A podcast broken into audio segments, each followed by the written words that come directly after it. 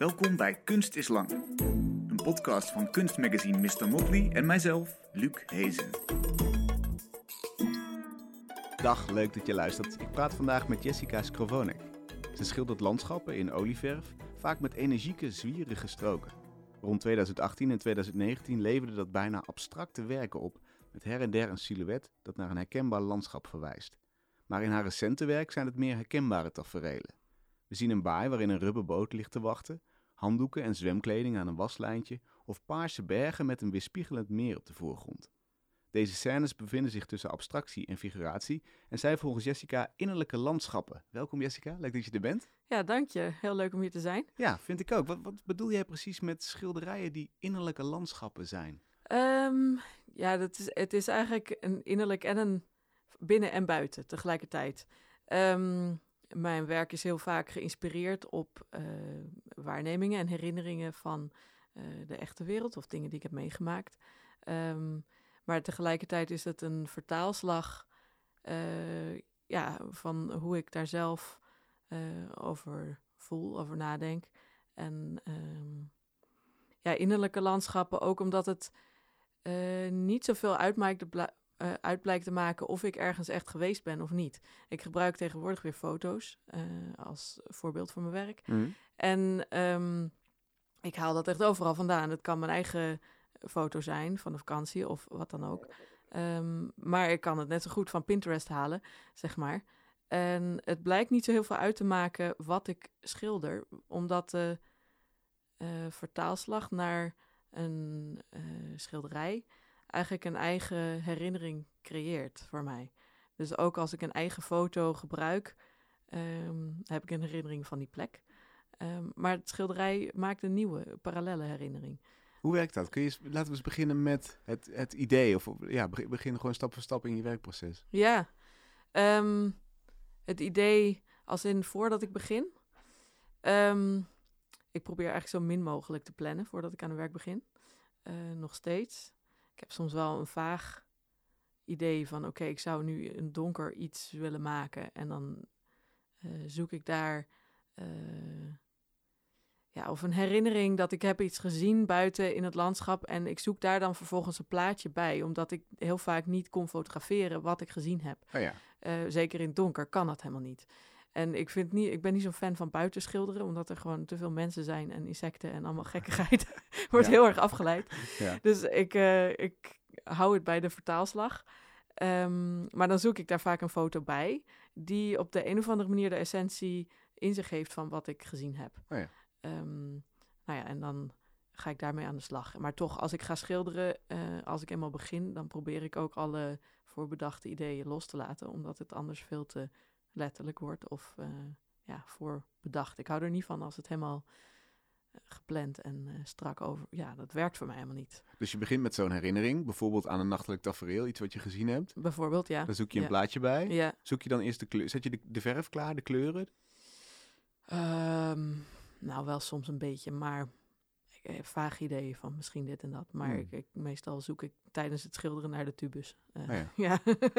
dat is uh, een soort chaos, ja. En dan zei je, oké, okay, we hebben dat doek. Dan is de eerste herinnering de aanleiding. Maar dan creëer ik een tweede herinnering. Hoe werkt dat precies? Geen idee. Um, wat, wat gebeurt er?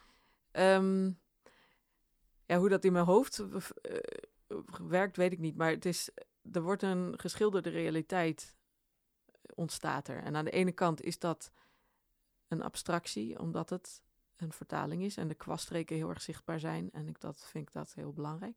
Um, ja. En ik merk gewoon als ik naar mijn werk blijf kijken, uh, dat ik daar vaak toch een ander gevoel bij heb dan op de plek uh, waar ik ooit was. Dat heeft dan wel iets met elkaar te maken, maar niet zo heel veel. En daarom maakt het dus ook niet zo heel veel uit of uh, de oorspronkelijke herinnering van mij was of niet, zeg maar. Ja. ja. Wat is dat voor proces waar je aan begint als je met die kwast op dat doek of op dat paneel bezig bent? Wat, wat gebeurt daar? Um, ik probeer eigenlijk mijn verstand voorbij te schilderen. Um, ik werk met de panelen op de grond, um, zodat ik niet steeds afstand kan nemen. Ik ben eigenlijk best perfectionistisch, maar dat uh, vind ik in, schilder, in schilderen niet zo bevorderlijk, zeg maar. Hmm. Waarom dus, niet? Wat? Ja, omdat het daarmee heel erg gecontroleerd en geprutst wordt heel snel. Als ik heel erg iets probeer na te schilderen, dan daar wordt het werk gewoon helemaal niet beter van. Dan schilder ik het dicht of uh, ja, zit er helemaal geen interpretatie meer, mogelijkheid meer in, geen openheid voor de kijker. En dat vind ik heel belangrijk, dat er ja, associaties mogelijk zijn uh, voor iedereen eigenlijk. Ja. En daarvoor moet je dat dicht op zitten. Ja, het dicht erop zitten is niet per se het punt, maar het gaat er, ja, het gaat erom dat als je achteruit kan stappen, toch wel inderdaad. Uh, ja, dan gaat bij mij de knop aan van is dit goed of niet? En wat zie ik en, en klopt het qua compositie en al die dingen. En zolang ik er dicht op zit, um, kan ik daar niet zo goed over nadenken. Dus op het moment dat een werk voor mijn gevoel bijna af is, zet ik het vaak neer of uh, ga ik het op de muur ophangen. En dan kijk ik van, ja, wat heb ik nou eigenlijk gedaan? En uh, slaat dit ergens op of niet? en dan, uh, ja, nou ja, misschien fix ik dan nog hier en daar een beetje wat. Dat komt wel voor, of dat het helemaal uit balans is, de compositie. Want dat kan je natuurlijk ook niet zien mm. als je er middenin zit. Um, maar goed, dat zijn me, vaak maar hele kleine ingrepen dan. En dan kan het dus zijn dat het wel ergens op slaat, maar dat het niet is wat je als perfectionist zou schilderen. Ja, als het goed is, is het dat niet. Ja. Ja. Um, want, ja. Dus je houdt van een soort raarheid erin, of een openheid, of, of iets wat niet uh, perfect is eigenlijk. Ja, het, het moet iets vreemds hebben, iets wat niet zo begrijpelijk is. En ik denk dat uh, perfectionisme sowieso in je hoofd zit. Het bestaat ook niet, trouwens, maar het kan Iets niet. perfects bestaat Iets niet. perfects, nou ja, nee, dat denk ik dat het niet bestaat. Maar Nee. goed, het is ook een idee wat, wat eh, het, het denken graag wil. En eh, ik probeer met mijn werk uit het denken, wat ik net zei. Ik probeer eigenlijk mijn verstand voorbij te schilderen. Dus dan, het gaat over intuïtie en eh, ja, een gevoel of een eh, sensatie, eh, waarneming. En dat is iets heel anders dan alles wat mijn hoofd kan bedenken, in die zin. Dus daarom probeer ik daar eigenlijk vanaf te komen. Ja, die Ja. probeer je bewust uit te schakelen, die ratio. Ja, ja. En wat is dan het verband tussen wat er op het doek belandt en jouw innerlijk? Als je zegt innerlijke landschappen zijn het ook. Ehm, ja, in zekere zin. Ja, dat vind ik, ik vind het lastig om te zeggen. Maar het zijn ook een soort zelfportretten natuurlijk. Omdat ik op dat moment aan het maken ben wat er uit mijn intuïtie komt. Hmm. Ehm, dus het is ook een weerspiegeling van wat er op dat moment in mij leeft. En eh, wat er ook gebeurt is dat ik maak vaak eh, series, maar dat ziet er eigenlijk niet zo helemaal uit als series. Maar ik kom er pas later achter waar dat allemaal over gaat. Geef Eh, eens een voorbeeld. Ehm, even denken hoor. Nou ja, op het moment ben ik gewoon met nieuw werk bezig. Ehm, en daar weet ik dan per werk wel een beetje waar het over gaat. Maar ik weet nog niet wat de overkoepelende eh, logica ervan is. Ehm, daar kom ik waarschijnlijk pas over een paar maanden achter. En als je terugkijkt naar een eerdere reeks, wat, wat is dan zo'n logica die je opvalt na een aantal werken? Vorig jaar eh, was ik bezig met, ehm, ja, eigenlijk voor het eerst met olieverf en eh, vrij klein formaat. eh, en dat werden, ja, die landschappen eh, die je net beschreef, wat fig- figuratiever. En ik kwam er later pas achter dat ik eigenlijk ook een soort veilige plek voor mezelf aan het schilderen was. En daar kwam ik achter door, nou ja, goed, een therapiesessie waar ik, nou ja, me moest voorstellen, oké, hoe voelt mijn plek van binnen? Ehm, dat ben ik gaan doen en toen dacht ik, ja, dat lijkt echt verdomd veel op wat ik aan het schilderen ben eigenlijk elke dag. Ehm, dus waarom doe ik dat? Ja, dat is natuurlijk om meerdere redenen doe ik dat, maar dat is eh, voor mij persoonlijk heeft, had het op dat moment ook. Ja, er was zoveel raars aan, de- aan de gang in de wereld en ik had ontdekkingen gedaan over mijn eigen familiegeschiedenis die nogal eh, schokkend waren. En ik, ik moest er iets mee. Ja. Maar niet letterlijk, maar dat ik moest dus eigenlijk een plek maken waar ik zelf graag wil vertoeven.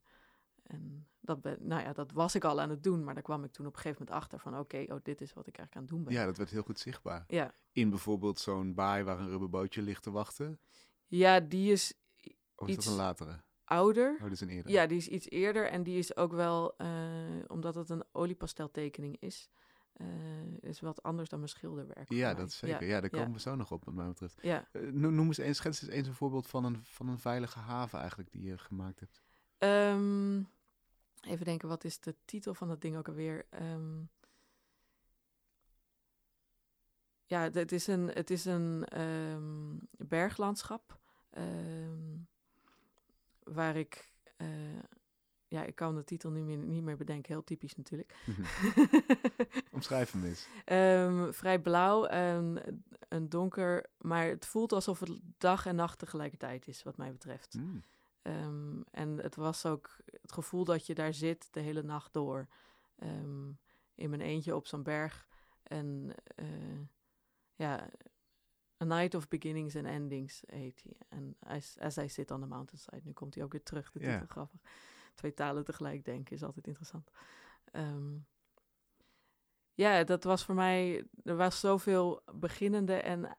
Ja, aan het beginnen en eindigen vorig jaar tegelijkertijd. En ik, nou ja, ik zat daar op die berg in mijn eentje en ik vond het wel best. Ik keek er gewoon naar. zeg Dat is echt gebeurd, dat je op een berg zat. Nee, maar wel in mijn hoofd dus. Ja, precies. dat, is ja. een, dat is een mentale berg. Ja, ja. Ik ga het nu eh, in mei waarschijnlijk wel doen naar Zwitserland. Om daar echt op een berg te gaan zitten. Om te kijken of dat ook eh, fysiek zin heeft. Maar dit is een wonderlijke volgorde. Dus normaal gesproken hebben mensen nemen foto's op een berg. eh, dat doe je altijd als je op een berg bent. ja, En gaan daar misschien schilderen. Maar jij hebt hem bedacht, deze berg. ja, En je zoekt er een werkelijkheid bij. Je kijkt of de werkelijkheid klopt bij het idee wat je hebt. ja, dat is inderdaad. Het is ook een beetje ontstaan tijdens corona. Omdat mijn beelden toen. Eh, goed, toen, toen was ik met die 101 tekeningen op, in oliepastel bezig. En op een gegeven moment waren, was mijn beeldarchief gewoon op.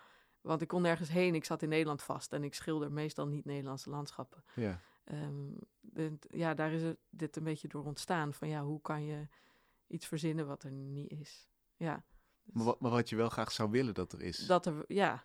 Dat ja of dat er misschien mooi. wel is, alleen eh, niet hier, maar wel van binnen. Ja. Het is er wel natuurlijk, Ja. eh, op de een of andere manier. Hoe, wat, wat, wat vind jij dan, hoe formuleer je dat als de, de, de functie van schilderkunst? Of de, de reden dat schilderkunst er is? Wat is de grote kracht van schilderkunst? Oh, dat is eh, echt een moeilijke vraag. Ja. Ehm, Voor jou? voor mij, ja, verwondering denk ik in eerste, in in eerste plaats. En, en ook het ehm, bijna openbreken van de werkelijkheid. Het, eh, omdat we natuurlijk heel erg gewend zijn om te kijken op een bepaalde manier en geconditioneerd om eh, te denken eh, langs bepaalde straatjes. En ja, met mijn werk hoop ik dat ik iets schilder wat ook verwarring oproept, maar op een goede manier. Dat mensen gewoon op een andere manier weer kunnen kijken en ook naar de landschappen anders kunnen kijken.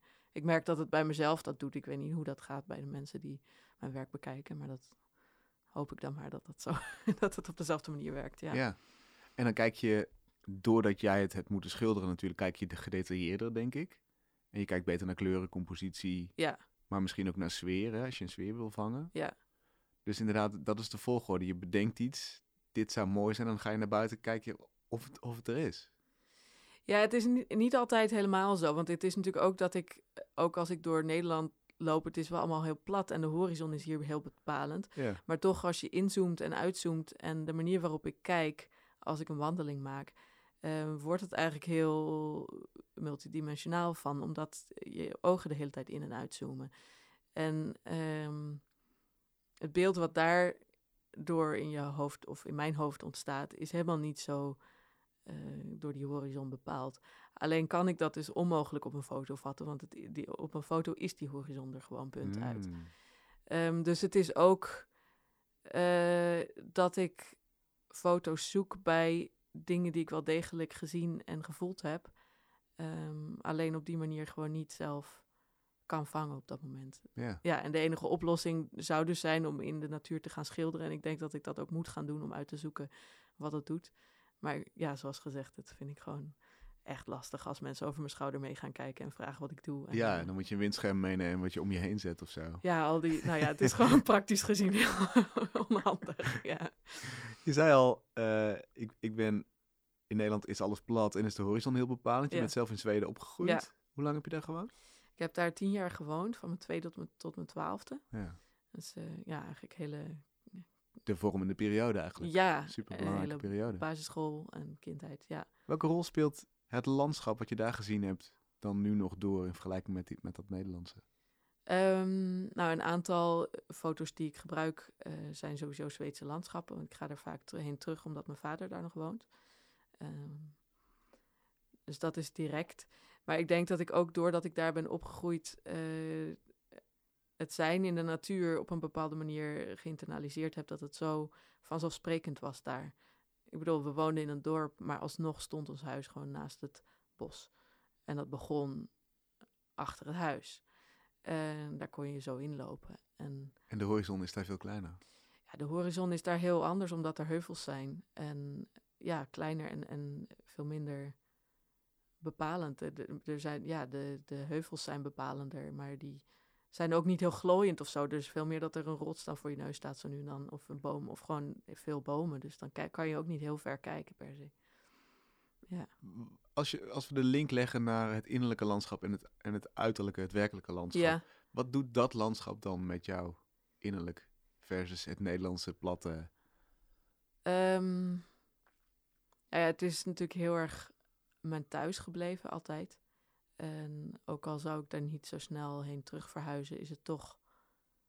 eh, ja, wat je zegt, het zijn de vormende jaren. En het is ook omdat het daar zo vanzelfsprekend is, ehm, zit het denk ik heel diep in me, dat landschap, op een bepaalde manier.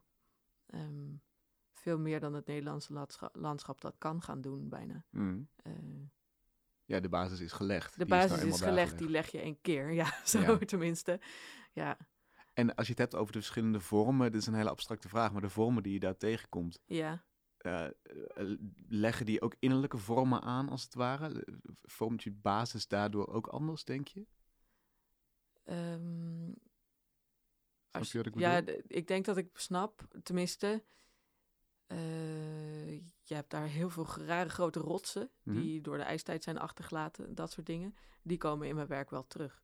Eh, dat soort grillige vormen. En die heb je hier gewoon niet. Nee. Nee. ehm, Ja, en in Drenthe misschien een de- beetje. ja, de, de ja, dat is waar. uitlopers daarvan. ja, precies. Maar goed, daar- ja, Ja. ja, maar dat, daar zijn ze heel random eh, overal.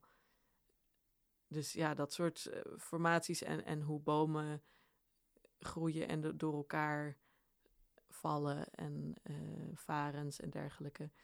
Ehm, ik wil niet zeggen dat ik altijd, ne- ja, altijd Zweedse landschappen schilder. Dat is namelijk niet zo, want het is ook heel vaak wordt het ook een beetje tropisch, terwijl dat, eh, d- ja, dat heeft daar met Zweden niet zo bijzonder veel te, te maken. Nee, maar het is Maar iets het- eerder de overdaad dan het, het vlakke wat we hier in Nederland hebben. Ja, de overdaad en het ehm, ondergedompeld zijn. Ook het letterlijk eh, in meren zwemmen daar bijvoorbeeld. Dat is, eh, was iets wat ik, ja, is nog steeds iets wat ik ontzettend fijn vind. Omdat je daarmee echt letterlijk in het bos of in het water bent. Maar het water is deel van het bos en het is deel van alles. En daarmee word je echt ondergedompeld, fysiek ook. Ehm, ja, ik vind dat heel interessant dat ze eigenlijk het heeft ook een hele levendige folklore Zweden nog, eh, met allerlei boswezens en dergelijke. En eh, dat heeft op een bepaalde manier, ja, ik geloof daar natuurlijk niet letterlijk in, maar het heeft wel te maken met dat de dingen in de natuur ook bezield zijn. En eh, ja, dat alles een eigen personage heeft op, op een bepaalde manier. En dat komt heel erg in mijn werk terug. Ja, dat, dat een steen kan ook een personage zijn of een boom eh, in mijn werk of een berg. En die kan bewegen en van alles. Eh, ja, dat, die bewegen natuurlijk niet letterlijk, maar omdat de kwaststreken vrij abstract zijn, Mhm. eh, ziet, hoop ik dat het er zo uitziet. ja. Ja, je geeft er energie aan, ja letterlijk, precies. door die, door die Ja. kaststrook. Ja. Is, is het ook een mentaal onderdompelen wat je doet als je daar in zo'n zo'n bergmeer zwemt bijvoorbeeld? Ik zou me goed kunnen voorstellen dat je even, even weg bent. Dat je je overgeeft aan een bos. Dat je, dat je zo klein bent, zo omsloten door alles. ja, Dat je, even, dat je denken even wordt uitgeschakeld of minder belangrijk wordt. dat is wel mijn ervaring. Ja, dat het, ja, nou, heel veel dingen vallen dan weg. Ja. Ja, Terwijl hier in Nederland sta je met je kop in de wind. Je, je staat altijd, bijna altijd boven het maaiveld, bij Ja. zo'n spreken. Ik hou ook niet zo van wind, maar ik weet niet hoe dat komt. je wil bomen om je heen. Ja, liever wel, ja. Is het, dan, is het dan een straf voor jou om in het Nederlandse landschap rond te lopen? En haal je daar überhaupt nog inspiratie uit? Nee, het is zeker geen straf. Ehm, ik haal er zeker ook inspiratie uit. Ja, het is ook heel mooi. En de kleuren en zeker de, de lente hier is ontzettend mooi. Dus, eh, ja. Ehm, en zoals gezegd, als ik kijk, dan interesseert me die horizon gewoon niet zo. Dus dat vind ik prima. Die kun je wel wegdenken. Ja, die kan ik wel wegdenken. Je maakte eerder ook echt praktisch abstracte werken. Dus, dus nu in de, in, waar we nu over spraken, daar is dan het werk nog herkenbaar. De silhouetten van bomen bijvoorbeeld. ja. Maar eh, in de reeks Land of Fools and Lovers, ja, daar zien we een gestalte wat bijvoorbeeld een palmboom zou kunnen zijn. Of een hooiberg op een veld, maar ook een aantal bloemen in wisselende kleuren roze. Met de titel With Rosy Fingers. Ja. Hoe, hoe komt die reeks tot stand? Wat echt bijna gewoon abstracte werken zijn eigenlijk. Ehm, ja, er is dus een beetje een wisselwerking. eh, abstractie, figuratie. Ik eh, ga een beetje heen en weer. Ehm, en ik merk dat dat een zoektocht is naar in hoeverre wil ik dat de representatie er is van wat ik zie of wat niet. Ehm, en ik merk al aan hoe je zeg maar omschrijft wat je ziet in die serie, eh, with Rosy Fingers bijvoorbeeld. Ehm, dat zijn helemaal geen bloemen. Maar ik vind prima dat je daar bloemen in ziet. Ja, die vorm Ja. die denk ik er dan bij. Ja, tenminste, die precies. denk ik te herkennen als ik die titel zie. Ja. Ja, ja, en dat vind ik ook spannend. Dat iedereen in dat werk dan... Ja, daar kan iedereen in zien wat hij ziet. Wat is het wel dan Ehm, voor jou? nou, de titel refereert eigenlijk naar ehm, hoe de oude Grieken over de dageraad spreken. Eh, ja, met roze, de rozevingerige dageraad. Ehm, en eh, ja, dat, dat vond ik heel interessant, hoe een dageraad roze vingers kan hebben. Hm. Ehm, dat soort beeldspraak eh, was ik toen heel erg mee bezig. Dus het is eerder een hemel eigenlijk, zo is het begonnen. Of niet, ja. ja. Hoe kom je bij die titels? Hoe, hoe, hoe bedenk je ze? Op een gegeven moment heb je een schilderij af. Of, of werk je vanuit een titel? Meestal maak ik het werk eerst. Ehm, ik heb een heel schrift vol met titels. ehm, mogelijke titels. Hm. En ik ben ontzettend veel bezig met zoeken daarnaar. En, en ze zijn altijd in het Engels, dus ik ben ook heel veel synoniemen aan het opzoeken in het, eh, op het internet. Gewoon om te kijken hoe kan ik. Ja, hoe, hoe werkt dat? Ik maak, ik maak een werk en dan heb ik er een bepaald gevoel bij. En ik kies vaak ook, want ik heb ook eh, misschien wel vijf verschillende gevoelens bij een werk. Of eh, ideeën van wat zou dit ongeveer kunnen zijn of wat belichaamt dit voor mij. En nou, op een gegeven moment kies ik als ik een goede combinatie woorden heb gevonden. Dus ik ben heel erg met die woorden aan het goochelen. En wat is dan, wanneer is het goed? Ehm, dat is een moeilijke. Soms moet ik echt de knoop doorhakken. Soms eh, kost het me veel langer om een goede titel te vinden dan om het werk te maken. dat meen je niet. ja, echt. Hoe lang doe je over een werk? Eh, nou, dat verschilt heel erg. Ehm, maar ik probeer eigenlijk een schilderij in één dag af te krijgen. Oh ja. Omdat het daarmee eh, gewoon meer onmiddellijkheid heeft. Als het een heel groot formaat is, dan lukt dat natuurlijk niet. Ja. Ehm, maar hoe verder het af is, hoe beter. Ja, dan... Dan is de grootste klap is, is gegeven en daarna kun je fine-tunen. ja, en anders ga je toch ook weer nadenken over wat je aan het doen bent. En dat is dus juist wat ik niet wil. Dus Ja. hoe, ja, er zit ook een bepaalde snelheid in. Maar de grap is dat de titels natuurlijk wel heel bedacht zijn. Dus als je het over nadenken hebt, Ja. is die titellaag wel heel rationeel. Ja. Hoe, hoe, worstel, Ja, en hoe ook worstel wel- je daarmee? Je kan natuurlijk ook intuïtief naar woorden op zoek zijn. Dus dat is, ja, de, de taal is natuurlijk sowieso denken, dus daar kom je niet omheen. Ja. Ehm, maar dat vind ik ook spannend om er een extra laag aan te geven dan. Ja. En waar zoek je dan naar? Ehm, eh, iets poëtisch vaak. Eh, soms ook ja, iets grappigs, humor. Ehm, ja, ik heb bijvoorbeeld eh, vorig jaar een soort zonsopgang of zonsondergang geschilderd. En dat is eigenlijk een heel mooi plaatje. Maar de titel is The Mating Season Can Begin.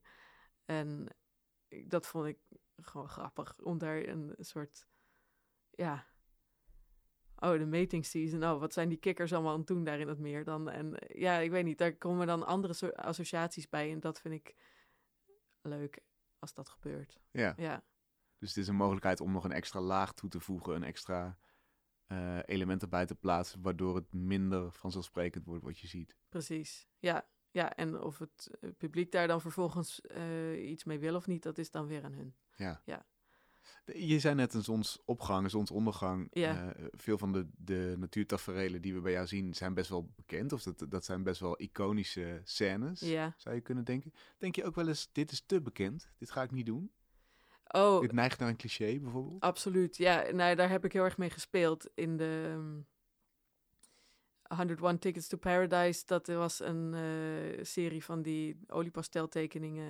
Die heb ik tijdens de lockdowns gemaakt. En dat eh, was eigenlijk voor mij de uitdaging om alle clichés maar eens een keer te maken. Ah ja. Ja, zo van, oh, waarom heb ik eigenlijk die regels? Want ik had de regel voor mezelf, je mag eigenlijk geen zonsopgang of zonsondergang eh, schilderen of tekenen, want dat is een cliché. En wanneer, wanneer is die ontstaan, die regel? Eh, Ja, denk tijdens de academie al, of zo, ja. En er zijn natuurlijk zat schilders die het wel doen. Dus toen had ik op een gegeven moment ook zoiets van, ja, waarom mag ik dat dan eigenlijk niet? Is dat, is dat gewoon omdat heel veel amateurs misschien beginnen met zo'n zonsondergang? Of denken van, dit, dat is het mooiste beeld wat ik ken, dus dat ga ik schilderen? Ja, waarschijnlijk. En er zijn natuurlijk miljoenen foto's. Dat is het eerste wat je fotografeert als je een mooie zonsondergang ziet op vakantie. Dan Ja. is dat wat er. eh, ja, dat, dat heeft ook met de menselijke kijk op de natuur te maken. Van dit is mooi en prachtig en dus leggen we dat vast. Ja. ja. Dus daar speel ik dan ook mee. Of het cliché is of niet. En ik- dat vind ik ook grappig als dat wel is, zeg maar. Ja, want hoe Ja. speel je daar dan mee? Wa- wa- Wat verandert er? Wat is er veranderd, zeg maar, tussen de tijd van de academie dat je het niet wilde doen en nu dat je nu denkt, ja, ik doe het gewoon? Ehm, ja, het is een bepaalde durf. Ehm, ik vind het wel een moeilijke vraag ook. Wat is er veranderd? Ehm, ja, omdat we als mensen kijken in clichés. En clichés zijn vaak waar. En ik vind het ook... eh, ja, dat, dat geeft... Goh, hoe leg je dat nou uit? Het is ook lastig, want ik probeer natuurlijk ook niet al te veel over de grens te gaan. Het moet niet een cliché worden, Ja, eigenlijk. En tegelijk, ja, en ik probeer natuurlijk uit, ook nog een bepaalde losheid in het werk te houden. Dat, oké, het is een zonsondergang, maar je kan er ook nog iets anders in zien. En dat, dat anders, dat is dan, eh, ja, daar geeft de titel misschien een soort verwijzing naar. ja. Ja, Nou ja, ik kan me voorstellen dat je minder hoeft te bewijzen nu. Je bent nu, bent nu een aantal jaar bezig. Je hoeft niet meer te bewijzen dat je een schilder bent die niet, die alleen maar, cliché- die niet alleen maar clichés schildert. Nou, dat komt, ja, dat is er zeker ook bij. Ja, dat, eh, Dat, dat, hoef- dat heb je niet meer nodig. nee, nee, dat interesseert en er is een reden dat mensen het zo mooi vinden. Ja, Dus daar kun je mee aan de slag. daar kan je mee aan de slag. Ja, en het is ook. Ja, dat verlangen en het romantische vind ik een, gewoon een interessant gegeven. Waarom vinden we bepaalde dingen mooi en andere dingen niet? En ik zeg helemaal niet het is zus en het is zo, maar ja, ik ben daar ook naar op zoek voor mezelf. Ehm, ook de 101 Tickets to Paradise, de Tickets to Paradise. Waarom willen we ergens anders naar het paradijs?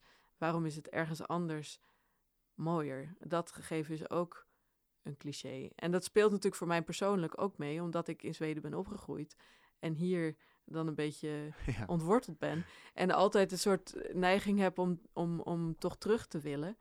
Ehm, Je en hebt je eigen paradijs in Zweden. ja, soort van. Of in ieder geval, de- ja, eh, daar voel ik me meer thuis dan hier. Ja. In de natuur dan tenminste. In de cultuur is nog weer een ander verhaal.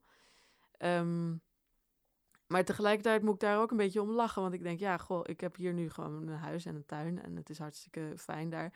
Ehm, waarom wil ik dan altijd weg? En tijdens de lockdowns werd dat helemaal duidelijk voor me. Van, ja, ik kan nu niet eens weg. En ik word helemaal gek hier. Maar waarom eigenlijk? Hmm. Dat, Heb ja, je daar een antwoord op gevonden? Waarom willen we weg?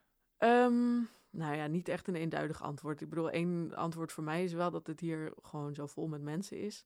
Eh, dat eh, bepaalde rust ook wel echt wenselijk is. Zo nu dan, ja. ja, en omdat er in Nederland zoveel weinig, of eigenlijk geen wilde natuur over is. ehm, dat, ik weet niet of dat... Ja, in Zweden is het ook geen wilde natuur, maar het is wel wilder dan hier. Ja. Ehm, en dat heeft natuurlijk ook een bepaalde energie en een bepaalde sfeer die je niet kan krijgen als je in een park bent. Ja. Ja.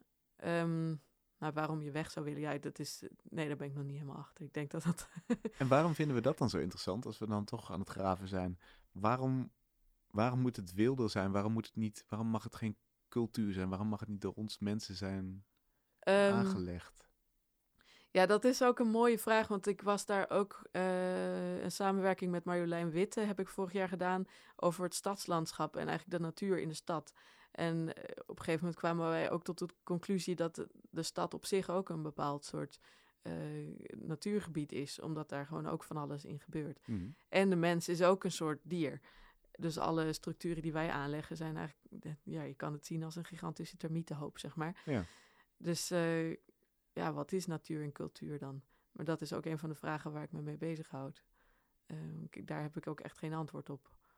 Heb je wel eens steden geprobeerd te schilderen, gebouwen? Ehm, ja, ooit wel eens op de academie, toen ik heel erg eh, hard een kamer nodig had.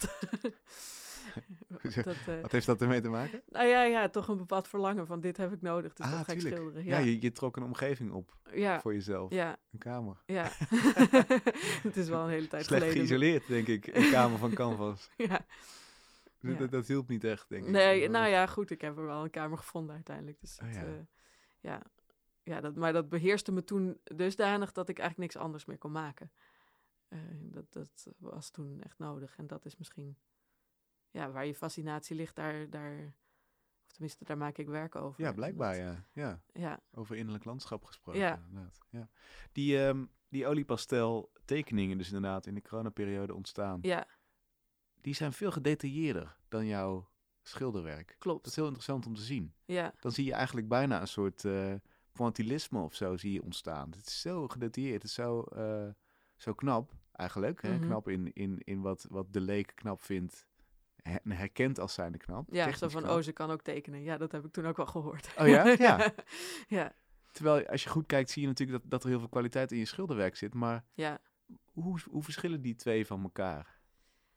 Ehm, het was voor mij ook wel een keer, dat was echt een uitdaging. Nou, aan de ene kant wou ik toen echt elke dag iets maken, omdat ik me ongelooflijk aan het vervelen was. Alles was afgezegd, dus ik had zoiets van, ja, er moet gemaakt worden en ik moet dat ook thuis kunnen doen. Hmm. Dus ik heb dat thuis, ben dat thuis gaan zitten doen. En ik vond het ook een mooie uitdaging om weer eens een keer echt goed te gaan kijken, kan ik, kan ik dit nog? Ehm, na veel abstract werk en eh, ja, dat, dat is gewoon een bepaalde oefening ook. En die hun- eh, 101 Tickets to Paradise in dit geval had ik wel eerst de titel bedacht. Ik had er niet zo bij stilgestaan dat 101, wel 101 tekeningen zijn er echt heel veel. Dus daar schrok ik een beetje van. Toen was ik bij 30 en dacht ik, oh mijn god, hoe we hier, hoe ga ik het tot 101 schoppen? Maar dat is gelukt. Ja. ja. Je hebt hulp gekregen van de regering, want er kwam weer een lockdown en er kwam weer een lockdown. En... Ja, die expositie waar ze moesten hangen, die werd steeds opgeschoven. Dus ik had, eh, en uiteindelijk hingen er eh, aan de muren ook gaten. Dus ik heb het tijdens de expositie nog afgetekend, zeg maar. De, ja, En dan word je dus eigenlijk geconfronteerd met jouw perfectionistische zelf. Want dat losse schilderen, dat, dat kan daar bijna niet, hè? Met oliepastel, met, met krijt. nee, en dat klopt. Aan de andere kant moest het er zoveel worden. Eh, omdat het er 101 moesten worden, dat het perfectionisme ook daar weer niet eh, de Nou ja. baas mocht worden, omdat ik gewoon door moest. Dus ja, oké, goed, je mag hier iets van vinden van deze die je vandaag gemaakt hebt, maar ga maar morgen weer een andere maken, punt. Ja. Ja, ehm, Je kon er niet een week aan, aan besteden. nee, echt totaal niet, nee. En dat was eh, ja, op dezelfde manier eigenlijk een truc bedacht hoe ik dat kon omzeilen. Ja. Ja, maar dan met een ander materiaal op een ander formaat. Ik las eh, dat je vroeger schrijver, actrice of circusartiest wilde worden. ja, dat klopt, ja. Iets op een podium in ieder geval. Wat trok je daaraan aan? Ehm, ja, ik zong heel lang in een koor en ik vond het heel lekker om, eh, eh, om op het podium te staan. Ja, ik denk dat daar ook een bepaalde ehm, focus bij hoorde, waarbij mijn verstand ook uitgeschakeld werd. Oh ja. Dat ik dat als kind al door had. Ik denk dat dat eigenlijk hetzelfde gevoel was als dat ik nu midden in de schilderij zit. Ehm, ja, Je hebt één taak, daar moet je je volledig aan wijden. ja, dit ben je, ja, precies. Zoiets. Want ik vond het een interessante eh, dat je dan eigenlijk bij het schilderen bent uitgekomen. Hoe, Ja. hoe is dat gegaan? Ehm, nou, ik was altijd al heel veel aan het tekenen en schilderen, dus dat was op zich ook niet nieuw. Ehm, ik merkte dat het, dat ik het ook heel fijn vond om alleen te zijn. En als je de actrice wil worden, is dat nou niet per se wat je gaat lopen doen. Nou ja, je kunt solovoorstellingen doen. Maar... Ja, ja, precies. Maar ja, ik weet niet. En ik, ik ehm, ben eerst op de universiteit gaan studeren. En ik merkte dat dat dus heel erg alleen maar met boeken en schrijven en hoofd. En dat kon ik op zich ook. En dat vond ik ook leuk en interessant. Maar ik dacht, ja, daar ga ik nou niet mijn hele leven mijn energie in stoppen. Dat lijkt me niet mijn ding. Hm. Dus toen ben ik de vooropleiding op de HKU gaan doen, omdat toch... Ja, er, er had ooit een, eh, tekendocent tegen mij gezegd op de middelbare school van je moet kunstacademie gaan doen. Dus nou, dat is toch wel blijven hangen ergens. Dus ik dacht, ja god, ik eh, weet het ook niet meer. Laten we dit maar gaan proberen. Maar toen bleek eigenlijk binnen twee weken dat ik dat dus wel wilde. Ja. En schrijven bijvoorbeeld, want dat is natuurlijk ook een heel solitair beroep. Ehm, ja, daar, dat wilde ik gaan doen. Ik wilde ook schrijver worden, maar toen daar heb ik met de talen een probleem gehad. Eh, niet echt een probleem, maar ik ben natuurlijk opgegroeid in Zweden en ik was aan het schrijven in het Zweeds eh, tot mijn twaalfde. En eh, toen moest ik naar Nederland. Ik kon wel Nederlands, maar ik kon het niet spellen. Dus ik moest eigenlijk in een half jaar basisschool nog even alle regeltjes in mijn hoofd persen. En ik heb gemerkt dat dat maakt dat ik het moeilijker vind om een bepaalde manier poëtisch. eh, ja, de, mijn titels zijn ook in het Engels bijvoorbeeld. Ik zoek eh, naar een andere taal. Ja, en omdat ik denk in minstens drie verschillende talen. Ik ben ook bijna drietalig opgevoed. Dus dat maakt het echt lastig om één taal te kiezen en daar dan in te schrijven. Ja. Ja. Ja. Is dit er ook nog een parallel tussen het eh, canvas als podium en wat je als actrice op een podium doet, of wat je als schrijver in je boek doet? Eh, laten we zeggen, de definitieve vorm die het werk krijgt. Zit daar een parallel in? Ehm, ja, dat weet ik niet. Ik zou het meer met muziek linken, omdat mijn ouders zijn allebei muzici. Dus ik ben heel erg in die muziekwereld en daarmee ook met podia dus opgegroeid. Eh, niet zelf, maar zij waren natuurlijk aan het spelen, hun concerten altijd. En eh, ja, ik denk dat een... Ik weet niet of ik je vraag goed beantwoord nu hoor, maar ik denk dat een bepaalde sfeer die je kan neerzetten met muziek of met een eh, performance, ehm, kan je ook in de schilderij vangen.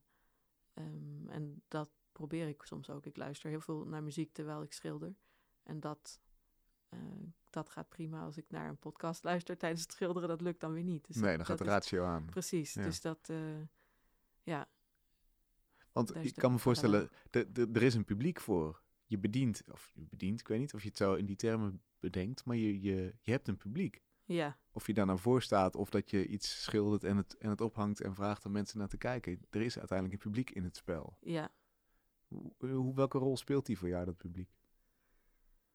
Ehm, tijdens het schilderen zo min mogelijk. En dat is net als de ratio. En dat, maar dat zou voor mij ook, als ik op het podium zou staan, zou ik me zo min mogelijk bezighouden met het publiek. Omdat je in het moment bent, eh, als het goed is.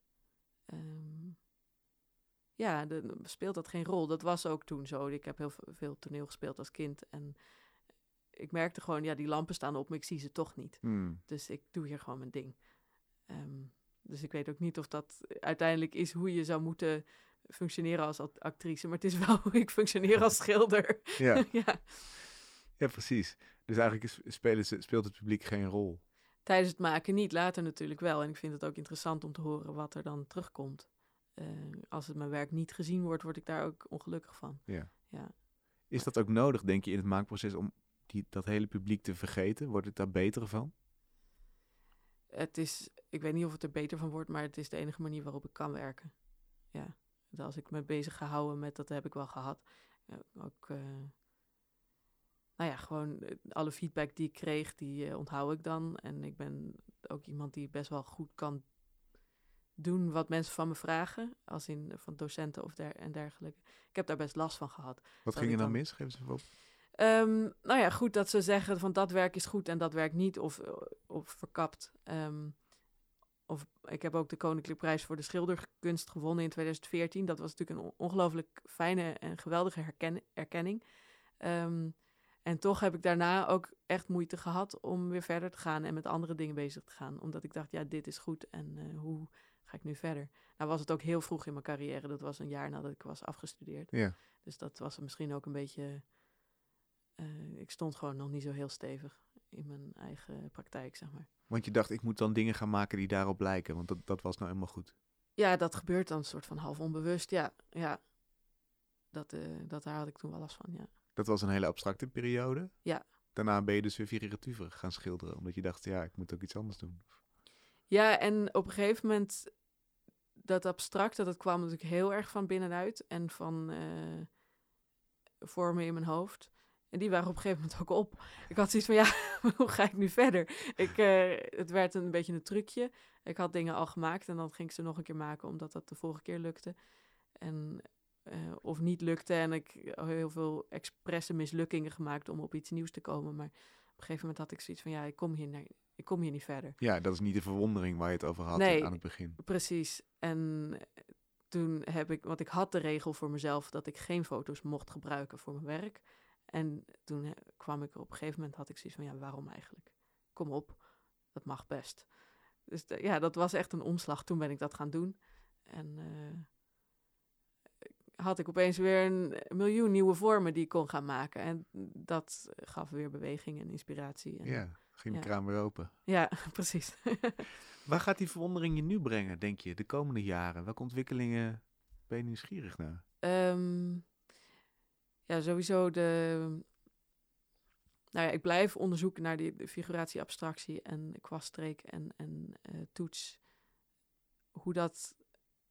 Ja, hoe ver kan je gaan richting figuratie zonder dat het te letterlijk wordt? En hoe ver kan je gaan richting abstractie, dat het toch nog een landschap is wat soort van herkenbaar is, dat mensen het toch nog kunnen vatten op de een of andere manier.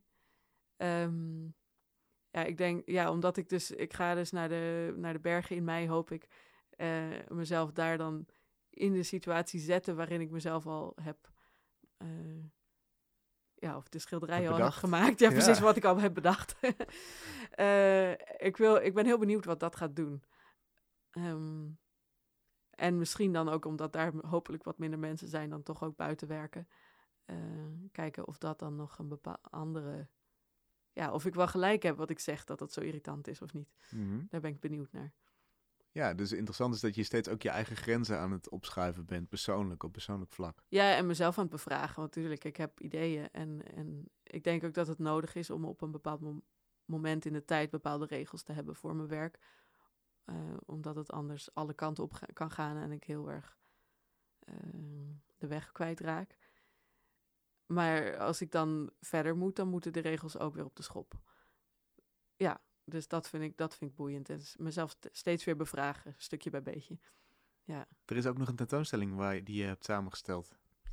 Ja, Spring Musings and Muddy Feet heet die. Bij Galerie Sana op het moment in Utrecht. eh, waar ik optreed als curator. Ja, het is niet voor het eerst, maar wel een van de eerste keren dat ik dat doe. Mhm. Ehm, dus ik heb, ja, dat gaat over het voorjaar, maar dan op een niet erg schattige manier. of tenminste, op meer het, het, het, het wilde en het, eh, de kracht van de natuur die weer terugkomt. En eh, ik luisterde naar de, naar de Le Sacre du Printemps eh, als inspiratie.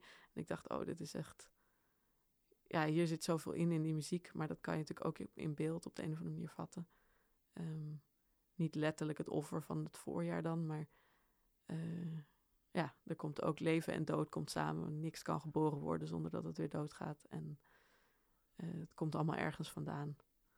Te zien tot 6 mei Ja, in Utrecht. Ja. Sana, dankjewel. En, en veel plezier op de berg. Ik ben zo benieuwd hoe dat gaat eh, bevallen. ja dankjewel. Of, of de realiteit tegen gaat vallen na aanzien wat je, ten aanzien van wat je bedacht hebt, of juist niet. Ja, we zullen zien. Het wordt grappig om te zien. Ja, Succes, dankjewel. ja dankjewel.